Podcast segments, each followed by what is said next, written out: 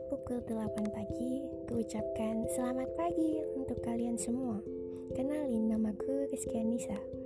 Ini hanya perkenalan saja untuk hal-hal yang lain nanti ya. Hmm, aku akan membahas secara random tentang podcastnya nanti.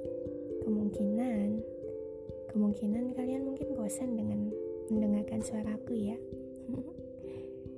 Cukup segitu saja.